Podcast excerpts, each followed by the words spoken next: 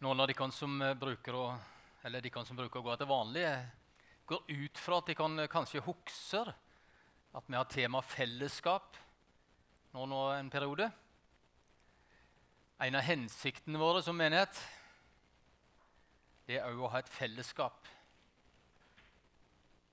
Det får vi når vi er sammen, vi som er her. Det får vi i andre sammenhenger, i familien, i andre grupper vi måtte være en del av. Og så er òg fellesskap bærer med seg gleden over å se nye og smerten mange ganger med å miste noen. Smerten med å miste noen sånn rent ut av fellesskap om ikke de dør òg, ja.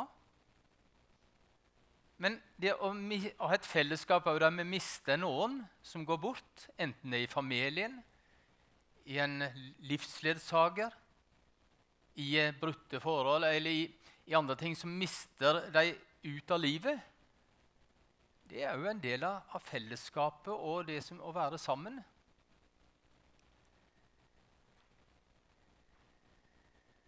Kan være kanskje litt rart at vi snakker om fellesskap da? Ja, så det, synes jeg det var fint å kombinere det på en allehelgenssøndag. Og så er det å finne denne balansen føler jeg, mellom det å glede seg over et fellesskap nå, og samtidig ha en ærbødighet og en historie med oss, og mennesker som har vært med og preget oss, mennesker som har gjort at vi er her vi er i dag.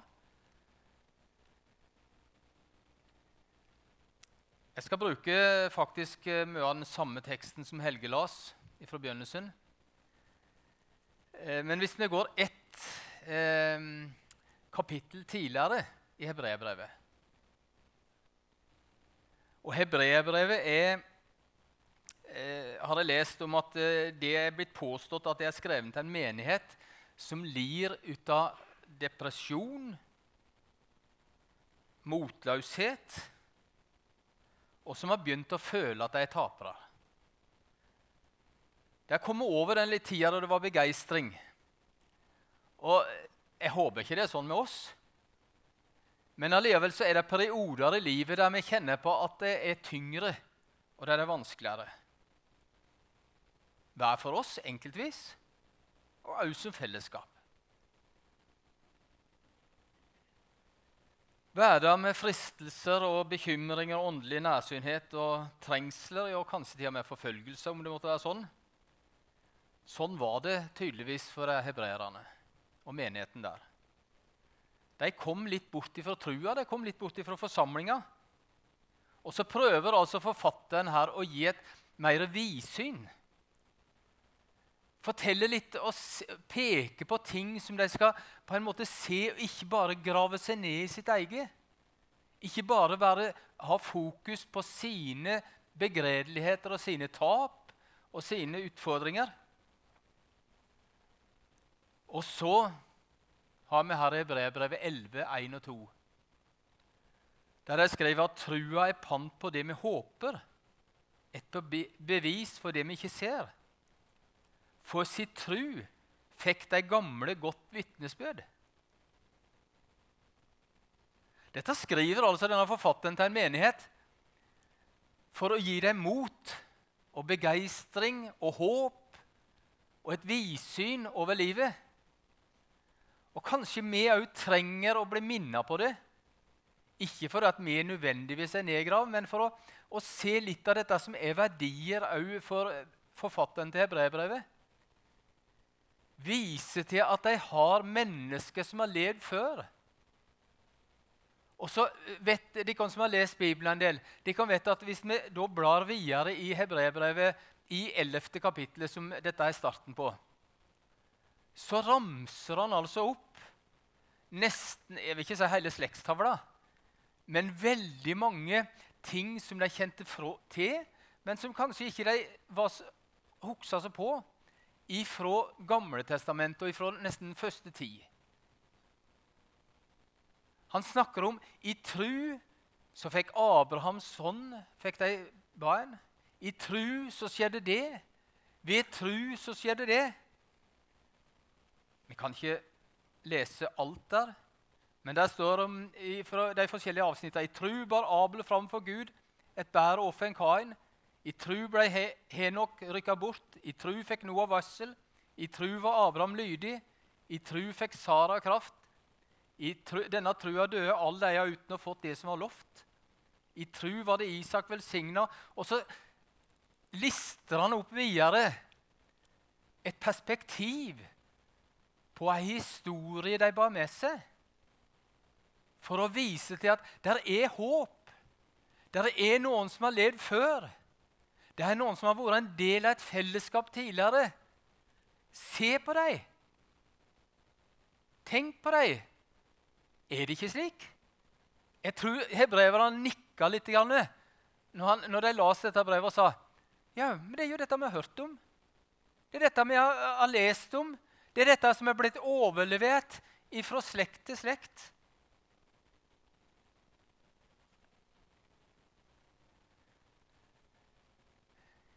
Og Så kommer kapittel 12, som var det Helge òg leste fra, fra begynnelsen. Vi får det opp på veggen nå òg. Så, så, på en måte summerer han opp, og så sier han da vi har så stor ei sky ut av vitner omkring oss, sier han.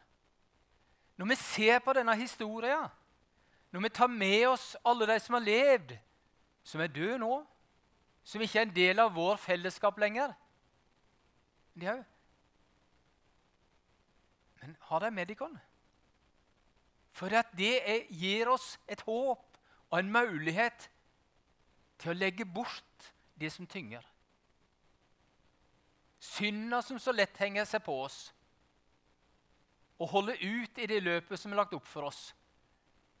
Med blikket festa på Han som er truas opphavsmann og fullende Jesus. Bare la det stå det. Jeg syns det var litt fint å kunne minne han på en her i dag òg. Jeg sier ikke at du skal glemme alle de du kjenner på et tap for i dag. Alle de menneskene som du har hørt om før. For vi har mange troshelter, Og vi har mange vi tenker som sånn, at nei, vi kan ikke være som deg heller. Vi er jo ikke deg. Vi trenger ikke tenke på egen familie, vi trenger ikke tenke på egne relasjoner heller. Vi kan tenke på store mennesker som har levd. Luther var prega menneskeheten seinere. Vi trenger ikke gå så langt tilbake engang. Vi kan gå til Billy Graham. Han har prega litt av vår tid. Vi kunne ha tatt flere sånne historiske personer som har vært med og prega, og som har gjort noe. Og som har bana en vei på en måte og sett noen fokus ut ifra oss. Ut ifra det som tynger oss òg. Vekk ifra synda òg, som henger så fast med oss.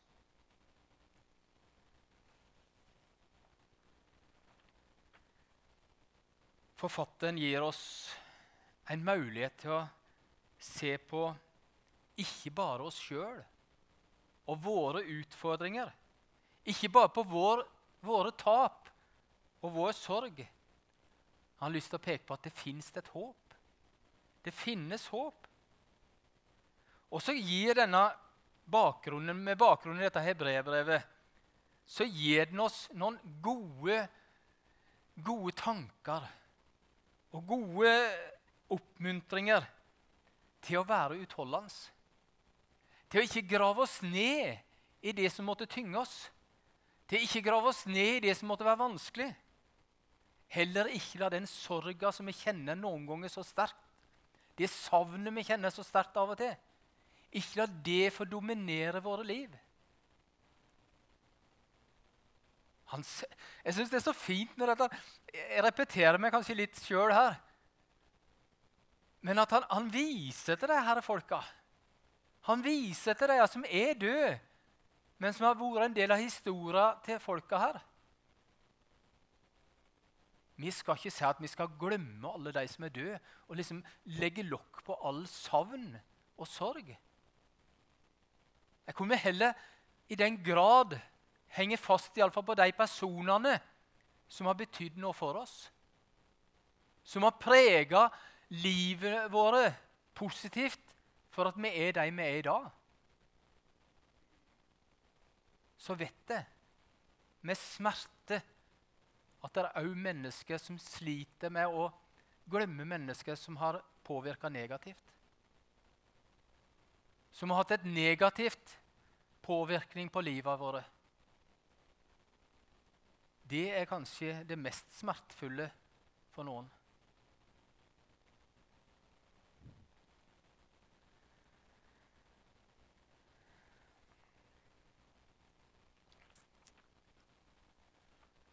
Temaet i kapittel 11 det er trusheltene.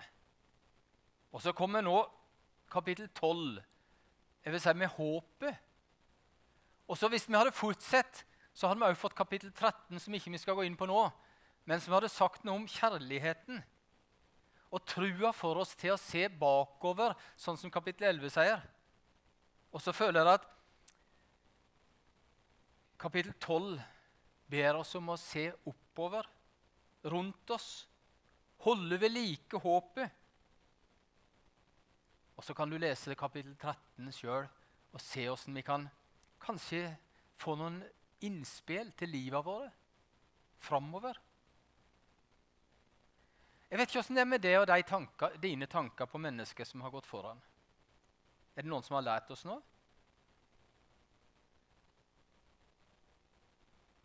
er det noen som har gitt oss verdier som preger din og min tro, som gjør at vi sitter her på en gudstjeneste i dag? Jeg har tidligere gitt mange eksempler fra mitt liv. Jeg skal ikke trekke fram dem i dag, men jeg har lyst til at du skal tenke litt etter. Hvem mennesker i ditt liv har prega, har gjort, har sett noen spor hos deg Kanskje så du sa ja til Jesus en gang. Eller kanskje så du ble bevart. Kanskje så du har beholdt ei tru som òg er noe av ditt ankerfest i dag. Hvem har du å takke for for at du er den du er i dag? For at det, du har noe å takke for, ikke minst for du er her. For du hører Guds ord. Du har vært med kanskje til og med i lovsang, i bønn. Ta litt tid til ettertanke. Hvem er dine troshelter? Hvem er den som har gjort at du er der du er i dag i ditt liv?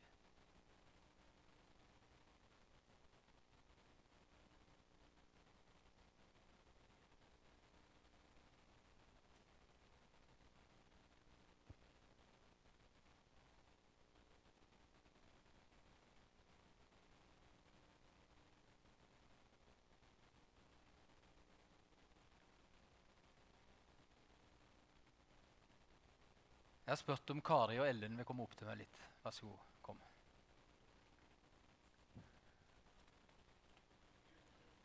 Ta med den mikrofonen.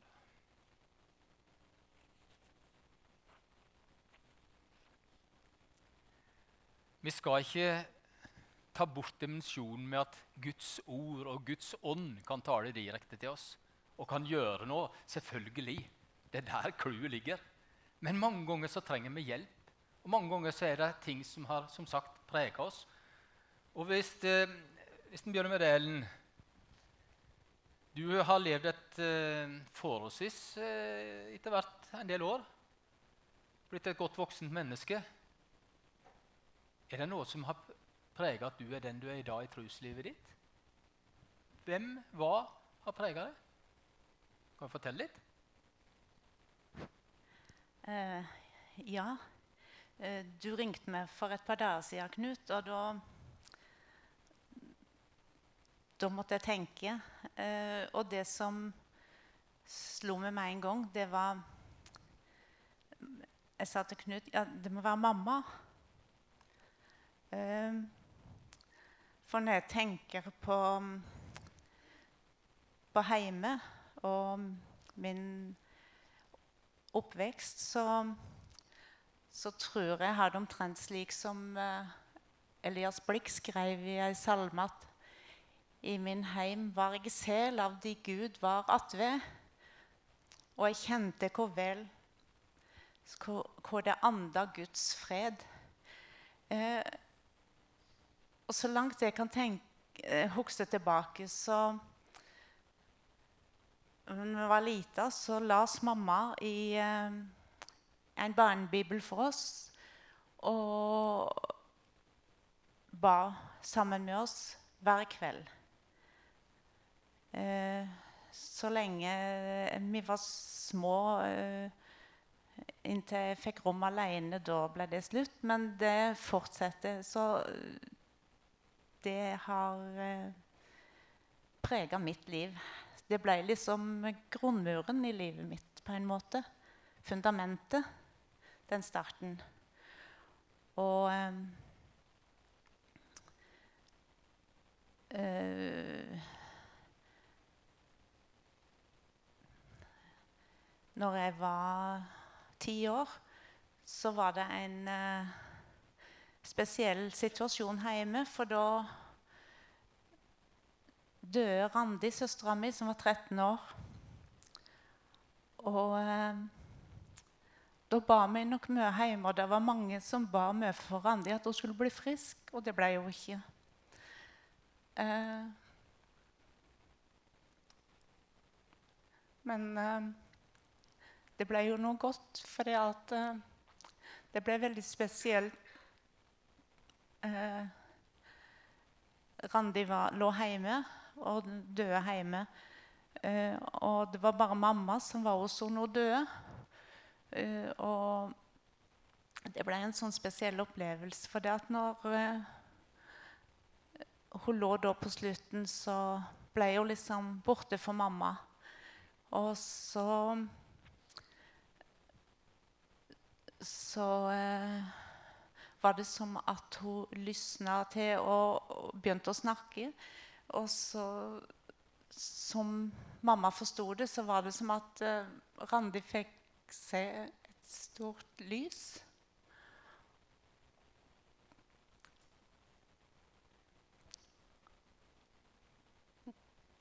Og Randi sa, 'Kommer du og henter meg nå, Jesus? Det skal bli godt.' sa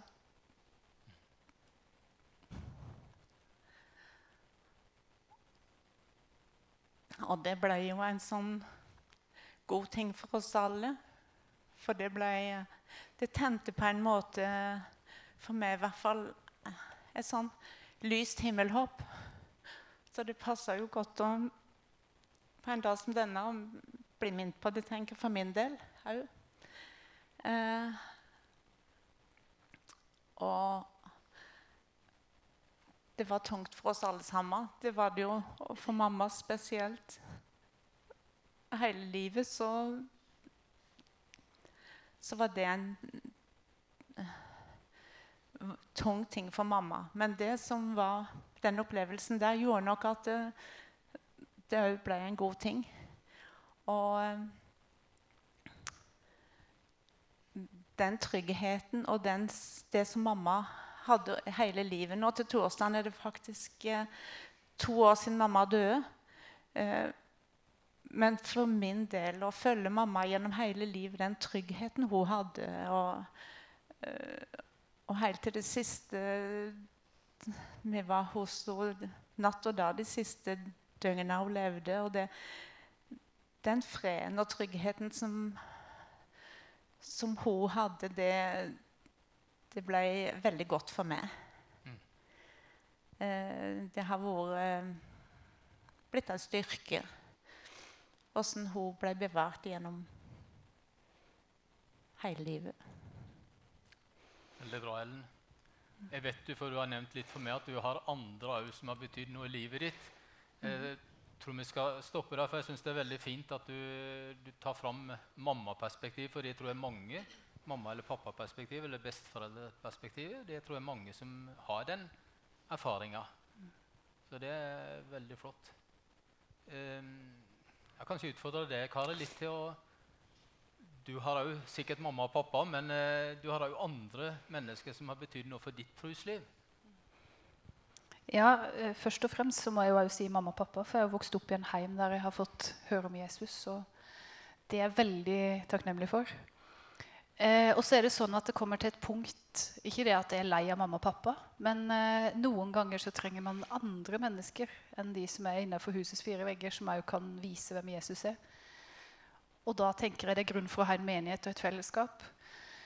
Eh, for min del så har jeg hatt mange sånne mennesker i ulike perioder av livet. Men når jeg bodde i Kristiansand noen år Jeg var ikke med her da. Men jeg kjente veldig at dette var min heim. Eh, da kom jeg i en periode av livet der jeg var veldig engstelig, og jeg var gravid. Jeg var fryktelig dårlig. Og jeg kjente at jeg fikk ikke helt den oppfølginga jeg trang i forhold til å ha noen å prate med når det røyna på. Så eh, jeg ba mye til Gud, men jeg syntes han var fryktelig langt vekk. Eh, men en morgen når jeg våkna, så var det ett navn som bare kom, og det var Tina. Og eh, Tina, ja, jeg hadde hørt om henne, visste at hun satt i lederskapet hjemme, og at hun var en sånn dame mamma, mange likte å prate med. Det var det jeg visste. Så husker jeg ringte til pappa og så sa jeg, du, hun der er Tina, eller hva hun heter. Har du nummeret hennes sitt, eller? Ja, det hadde hun. Ja, kan jeg få det, eller? Ja, jeg kan få det. Jeg tror jeg må prate litt med henne. Men eh, du, sånn, by the way, hva er det hun jobber med? Hun er jordmor. Og det visste ikke jeg. Så for min del var det liksom den første bekreftelsen på at uh, Gud har sendt meg rett person akkurat nå. Så det tok ikke mange dagene før jeg hadde min første samtale med Tina. Uh, den første av veldig mange. Uh, hun hjalp meg til å sette ting i perspektiv når det gjaldt det å være kone, det å være skulle bli mamma, det å løsrive seg fra mamma og pappa. Generelt sånn livsnære ting. Men allikevel også så pekte hun på Jesus, og hun stråla Jesus. Og det nærværet vi hadde av Gud når vi var sammen, det var veldig sterkt. Og det kunne være om det var hjemme foran peisen og skikkelig koselig, eller om det var et kaldt sykehusrom. Så var likevel den tilstedeværelsen der med Guds nærvær. Og jeg var heldig og fikk mange år sammen med Tina. Mange kjenner henne og vet at hun døde av kreft for noen år siden nå. Eh, og jeg for min del, når hun var sånn en viktig person, så var jeg egentlig veldig redd for hva nå, da? Når hun ikke er her. Hva nå? Men så opplevde jeg egentlig en sånn enorm eh, takknemlighet for at jeg hadde fått lov å bli kjent med henne. For alle de tinga hun har lært meg. Og jeg kan ennå liksom Å ja, jeg husker Tina sa. Jeg husker Tina sa. Den dag i dag. Og jeg kan òg innrømme at når jeg møter andre som nå eksempel, får barn, så er det akkurat som jeg kan liksom bringe noe av det der videre til de med å si åh, jeg hadde ei som sa dette, det var skikkelig bra. Um, og så vet jeg at Tina levde nær til Gud, og det ønsker jeg òg å gjøre. Så hun har gitt meg en inspirasjon til å leve ekte og ærlig eh, med livet med Gud, men òg at det kan være noe vi kan dele med andre mennesker. Så um, i ettertid av dette trodde jeg egentlig at nå kommer det til å bli skikkelig tøft. Og ja, det har vært tøft til tider. Men jeg har jo opplevd at uh, Gud har sendt nye mennesker. Så her er mange nye tiner. Og det er jeg veldig takknemlig for. Og jeg håper òg at vi kan være et fellesskap der vi kan bygge på det. At vi kan være der for hverandre når livet røyner på. Um, her sitter mange bønnesvar her inne for noen. Og det har jeg lyst til å heie på, og jeg håper at vi kan gi hverandre en sånn um, Ja. Kanskje vi må tørre å anerkjenne for hverandre. Hvis du er her i dag og kjenner det at vet du, jeg har en person her som jeg vet har betydd noe for min tro, så vil jeg utfordre deg til å si det til den personen. For det har så utrolig mye å si. Eh, på den måten kan vi heie på hverandre, og det tror jeg det er stor velsignelse i. Mm. Takk skal dere ha. Jeg tror vi stopper med det der. For det at sånn kunne jeg sikkert ha tatt dere opp, mange av dere. Og de kunne ha gitt dere historier om en sky av vitner. Og jeg synes Det er så flott når hebreerbrevet rett og slett er ærlig på det og sier at ikke glem dem. Ikke la det være ei historie bare. men det er ei sky av vitner som på en måte driver oss òg fram. Driver oss fram til å legge vekk vårt mismot. Våre, våre brutte håp. Synda til og med, som henger så fast med oss. Som vi sliter med stadig, noen av oss iallfall. Vi kan få lov til å legge det av. Fordi at det er mennesker som tidligere òg har vist oss en vei som vi kan få lov til å gå i dag. Som vi kan få lov til å gjøre oss bruk av i dag. Det er nemlig å ha blikket festa på Han. Han som er truas opphavsmann og fullender. Jesus Kristus.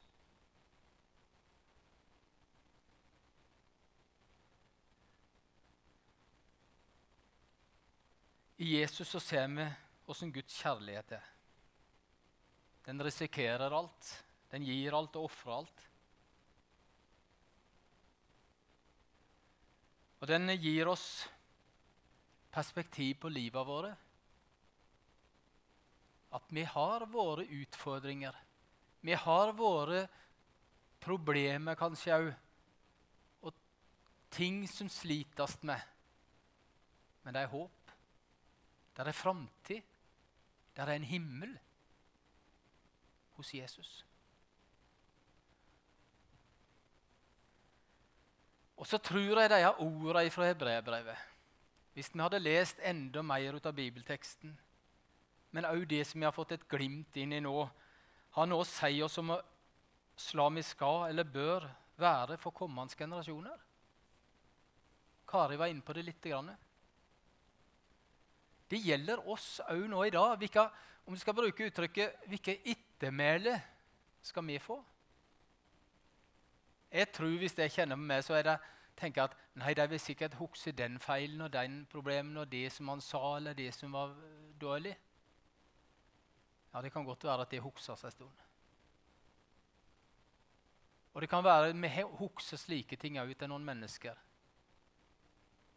Men jeg føler at denne her teksten og det her tankene som hebreerbrevet bringer til oss, gir oss noen tanker òg for vårt fellesskap. For vår, vårt, våre kristenliv. Og jeg kjente iallfall sjøl at det var utfordrende når jeg jobba med teksten. At det handler ikke først og fremst om å ta seg sammen og bli et så mye bedre menneske eller fikse livet. Jeg har sannelig ting jeg kan ta tak i i mitt liv. Men kanskje løsninga enda mer ligger i teksten, som vi her har i kapittel 12 fra begynnelsen der. Legge bort det som tynger. Synda som så lett henger seg på oss. Holde ut i det løpet som er lagt opp for oss, med blikket festa på Han som er truas opphavsmann og fullender. Likevel har jeg lyst til å si at de unge, kanskje spesielt, og kanskje noen eldre mennesker rundt oss i vår alder, de vi måtte være i Mennesker her i menigheten de trenger kvinner og menn, ungdommer, som er der for dem. På forskjellig vis. Noen er med som ledere. Jeg tror mange er et forbilde i den sammenhengen. Du er der kanskje som en besteforeldre. Jeg tror mange har en stor tjeneste der. Tante eller onkel. Nabo. Nabo. Kanskje det er enda lettere for mange å forholde seg til å ha en nabo som de kan snakke med, som ikke nødvendigvis er i familien. Det er ikke sikkert det vil bli skrevet noen bok om det i framtida, åssen du var. Det er ikke sikkert det kommer sånn som med de her vitnene som vi la som her, som var personligheter. Men jeg tror det blir notert i bøker for mennesker. Og jeg tror at det er noen som på noen tidspunkt vil takke for at du er den du er. Og du er den du er for deg. Ja, men jeg kan så lite, sier noen. Ja, jeg, vil ikke begynne å diskutere med deg på det. Men jeg har lyst til å utfordre deg på å tenke hva kan du være for de kommende slekter? Hvilken trosvitne kan de se tilbake på når vi ikke er lenger? At nettopp du i ord eller handling var et vitne om Frelseren. Er ikke dette noe å ta seg sammen med, men det er noe å be Jesus om å hjelpe oss til. Og Dette snakker jeg ikke til noen spesielle aldersgenerasjoner. Dette tror jeg er noe som er livslangt. Hvorfor gjør vi dette? Jo, for at vi vil være mange som samles til himmelen da. Med alle de som har reist før.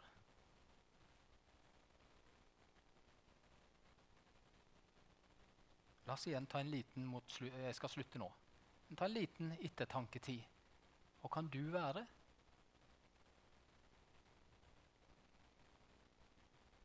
Kjære Herre Jesus. Du ser vi føler oss fattigslige. Du ser vi har våre begrensninger. Hjelp oss til å feste blikket på det. Du som er truas opphavsmann og fullender. Slik at vi med frimodighet kan se framover. Mot himmelen, mot målet, det håpet vi har i vente. Så ber jeg Jesus om det kunne være slik at vi kunne være med og peke på den veien for noen andre. På de forskjellige måtene som vi er. Jesus, hjelp oss til det. Amen.